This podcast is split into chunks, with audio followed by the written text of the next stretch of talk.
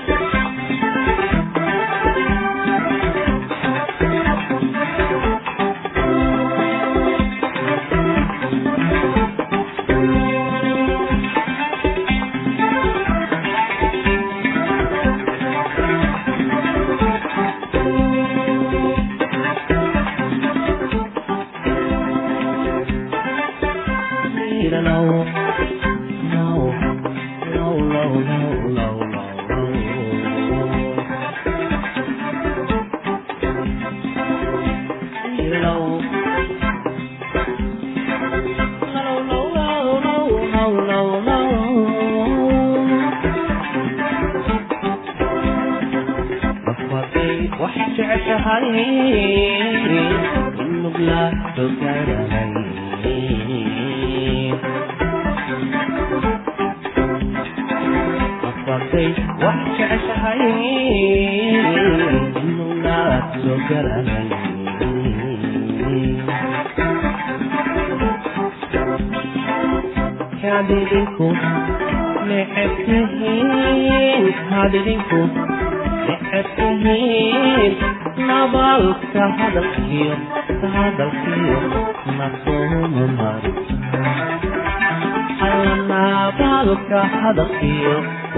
hadalkiyo maartooda martaa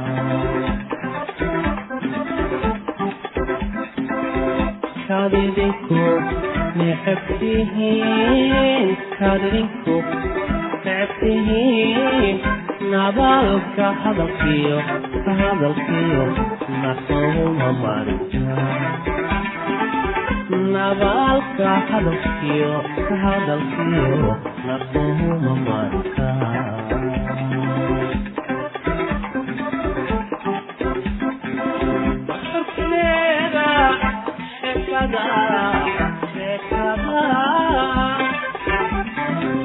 Shekada, shekada, shekada.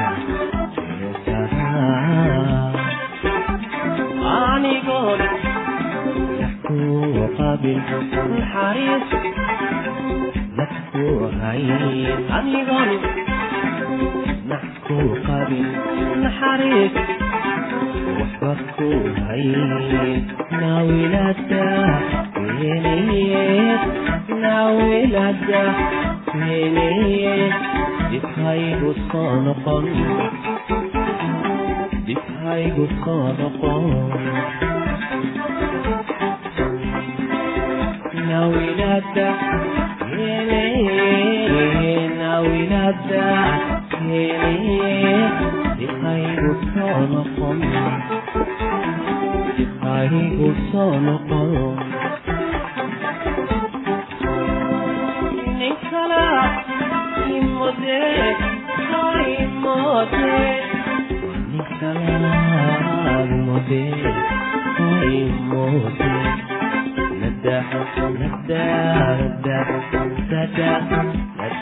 hoyna ma taqaanidin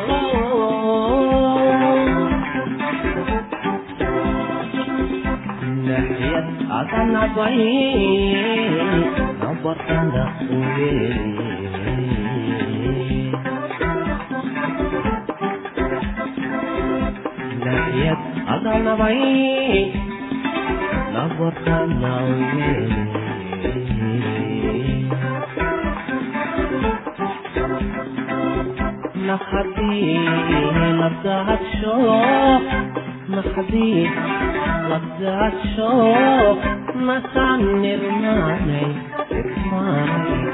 caano laga hoy nasaan nirmaanay irmaanay caano laga manuuy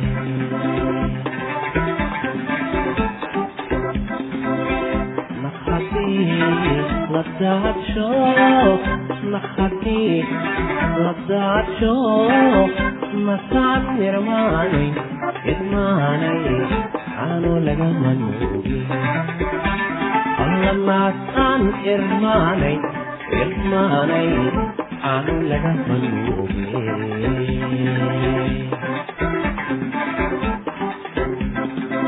قلبي يا فيك يا نجاح يا نجاح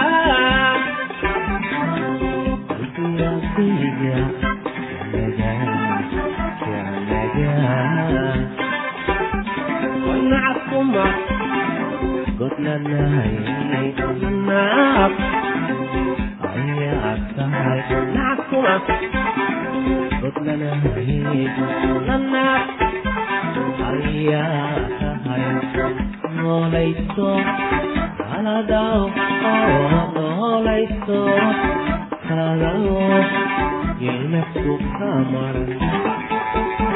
Allah lay nafsu kamaran.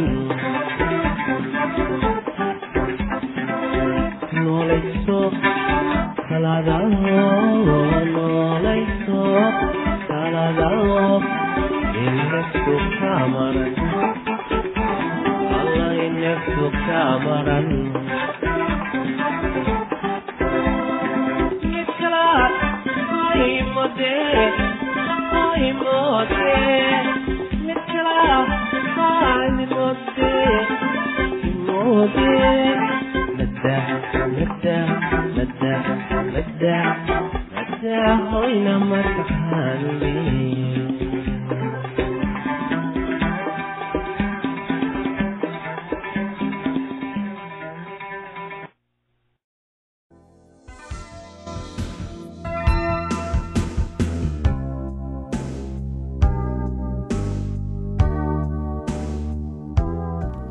waalidiinta badankooda waxay haystaan fikradda qaladka ah ee ku saabsan in carruurta ay iyaga iskooda wax u bartaan iyaga oo aan la caawimin. Waxaanay intooda badan doortaan inaanay wax faragelin ah ku samayn koritaanka waxbarashada ee caadiga ah ee cunuga. Waalidiinta qaarna waxay doonayaan inay carruurtooda ka caawiyaan sidii ay wax u baran lahaayeen laakiin ma garanayaan habkii ay u caawimi lahaayeen. Waxaan eegayaa qodobo ku saabsan waxbarashada kan koowaadna waa mid inteena badan aynu iska indha tirno kaasoo ah in cunugba uu cunuga kale ka duwan yahay. Middan waa mid aala indhaha inoo furi karta laakiin intee in la eg ayay waalidiinta badan tilmaamaan ama ay hilmaamaan arrintan. Laakiin intee in la eg ayay waalidiin badan hilmaamaan arrintan marka ay hal fikrad ku habboonaato hal cunug ama ay ku wanaagsanaato waxaad ku fikiraysaa in cunug weliba ay ku habboon tahay fikraddiisa. Carruurta fikradooyinkooda kala duwan waxa ay u bartaan habab kala duwan. Qof ayaa hadda ka hor waxa uu yidhi sinaan la'aanta ka jirta adduunka ayaa waxay tahay iyada oo sinaan la siiyo sinaan la'aanta tan iyada ah waa ku run marka la eego sida carruurtu wax u bartaan. Macnaheedu waxay tahay tani waa masaal wanaagsan oo loo eegi karo sida carruurtu wax u bartaan. Tan ayaa ka mid ah waxyaalaha shaqada macalinka ka dhiga mid adag. Waxaa laga yaabaa inuu waxbarayo fasal ay ku jiraan labaatan ilaa iyo soddon arday oo midba midda kale ka duwan yahay ama midba midka kale uu ka duwan yahay waa inuunan raadiyaa habab kala duwan oo uu wax u bari karo mid kasta oo ardadan ka mid ah. Tan waxaa kale oo ay la micno tahay in waalidiintu qaataan qodobada ku saabsan waxbarashada oo ay isticmaalaan marka ay carruurtooda waxbarayaan. Habka waxbarasho ee ku wanaagsan carale waxaa dhici karta inuusan wax faa'iide ah u lahayn maryan. Marka aad tijaabadan qaadaysid furfurnow oo iska isku day inaad xaalad kasta la qabsato. Waxaa jira qayb maskaxda ka tirsan oo si qaasa ugu muhiim ah barashada casharada ku dhisan waxa aan la taaban karin. Qaybta iyada ah waxaa la yidhaahdaa maskaxda dhexe ama waxa luuqadda af ingiriiska lagu yidhaahdo mid brain. Waxa ay u qeybsan tahay laba qaybood. Labadan qaybood waxa ay sutida u hayaan ama faragelin weyn ku leeyihiin habka aad wax u baratid iyo sidoo kale habka ay caruurtaadu wax u bartaan. Labadan qaybood ee ka tirsan maskaxdaada si aad u kala duwan ayaa loo isticmaalaa. Marka aad shay baranaysid waxaa laga yaabaa inaad isticmaashid qeybta dhanka midigta jirta. Barashada shay kalena aad isticmaashid dhanka bidix.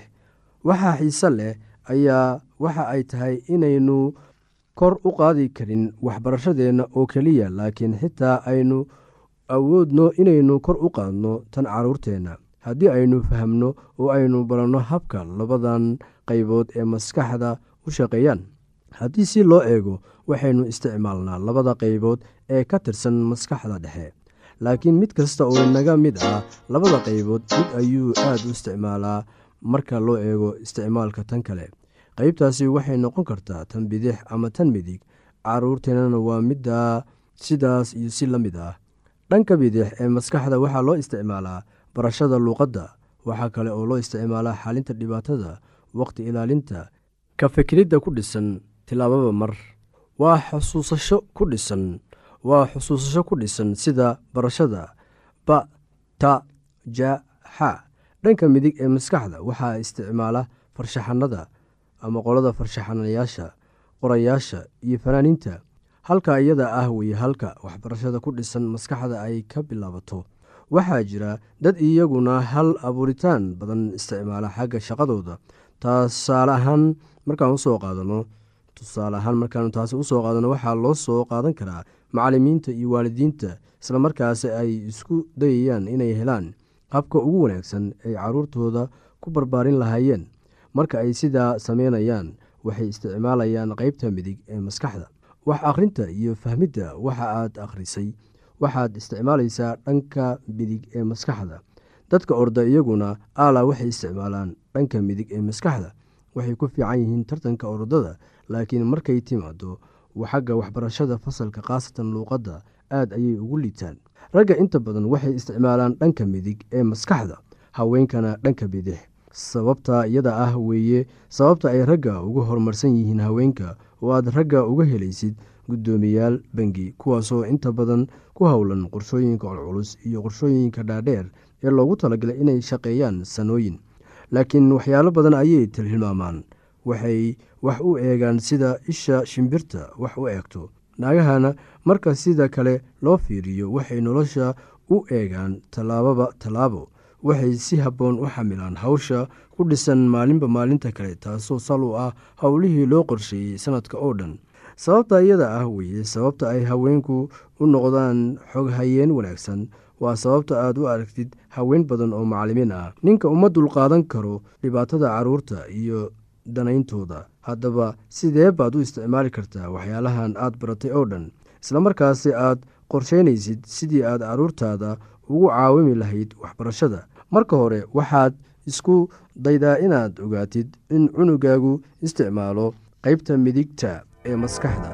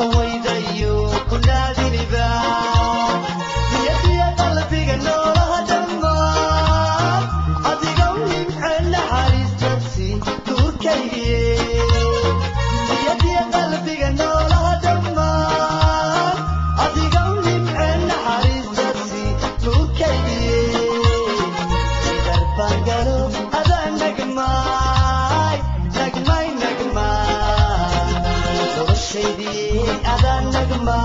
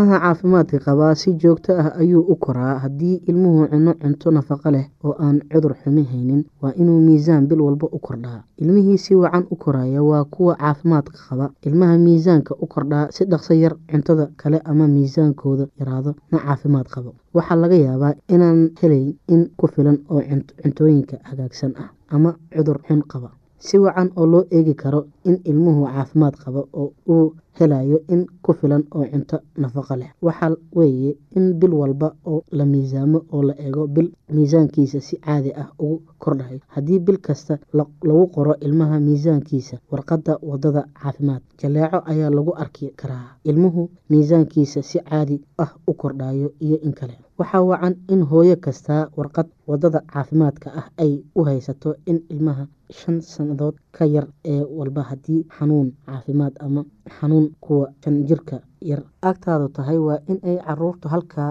geysaa iyaga oo waraaqahooda wata si loo miisaamo oo loo eego bil walba. Qofka caafimaadka ka shaqeeya ayaa warqadaha waxay yihiin in si loo isticmaalo dadka ee bil walba ogaada. Dhibaatooyinka xagga caafimaadka ee carruurta carruurta ee aynu qeybihii hore ku soo qaadanay ee aynu dib uga nuqaaloono marka hore xusuusnow cudurrada inta badan carruurta si dhaqso ah ayay uga xumaadaan. Cudurada laga yaabo in uu u qaato maalmo ama toddobaadyo si uu aada wax u yeelo ama dilo. Qof weyn ayaa ilmaha yaryar dhowr saacadood ku dili kara. Sidan daraaddeed waa lagama maarmaan in dhaqso loo ogolo calaamadaha ugu horreeya ee cudurrada oo islamarkaa wax laga qabo. Caruurta nafaqo darida hayso. Caruurta badan waxaa nafaqo xumidoodu u sabab ah cunto ku filan ayay helin. Khasaare waxaa u sabab ah. Waxay cunaan in badan oo cunooyin dabka sida bariiska arabakida hase ahaatee ma cunin in ku filan oo cunooyinka jidhka dhisa ah sida caanaha ukunta hilibka digirta midhaha iyo caleenta. Caleemadaha nafaqada xumida waxaa inta badan marka ugu horeysa la arkaa cuduro kadis ah sida shubanka ama jadeecada islaamka cudurrada qaba ama ka cudur kacaya. Baahida uu u qabo cunto nafaqo leh way ka weyn tahay ta ilmaha caafimaadka qaba gaar ahaan haddii ilmuhu isku caafimaad qabo inta kale dhexaysa suuxdimaha suuxdimaha ama isqabsiga. Marka hore daanka marka dambeysa jiidhka dhami dhismo waxaa laga yaabaa inay yihiin kojiye menegitis cudurrada ku halista ahi waxaa laga yaabaa inuu daba socdo jadeeco ama cudur kale oo xun. Caruurta hooyooyinka qaaxada qaba waxaa laga yaabaa inay ku dhacdo menegit ka qaaxada ilmaha aada ubka ee jiifka goortiisa oo aada dib u jeedho ee qoortiisa dhisan tahay ee aanay hore u soo laabmi karin. Ee jidhkiisu dhaqdhaqaaqayo layaab leh sameynayo wuxuu u dhow yahay inuu menegitis qabo. Dhiig la'aanta dhegeystayaasheena qiimaha iyo qadarinta halkaa waxaa noogu dhammaaday barnaamijkeenii caafimaadka. Waa shiina oo idin leh caafimaad wacan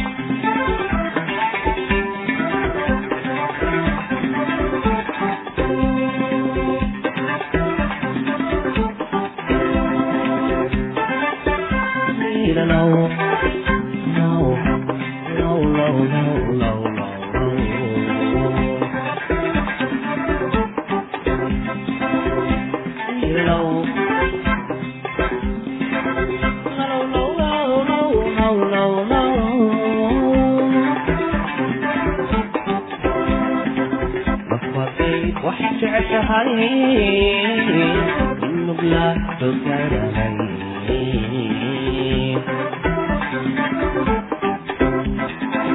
afartay wax jeclahay nugla doganahay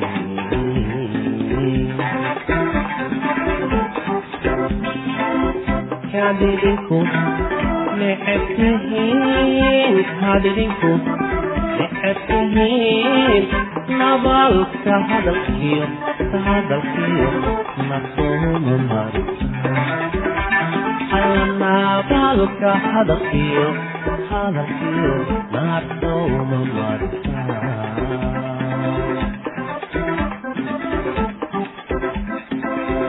kadidinku necebtihiin kadidinku necebtihiin nabaalka hadalkiyo hadalkiyo nasaguma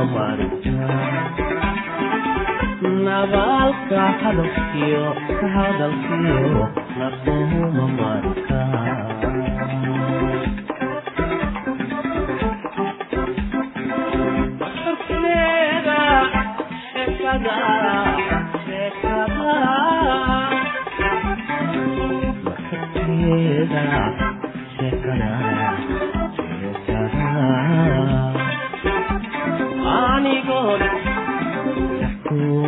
rabin naxariis nafku hay adigoon nax ku qabin naxariis waxba ku hay naawilada weeneye naawilada weeneye dibhaygu soo noqon dibhaygu soo noqon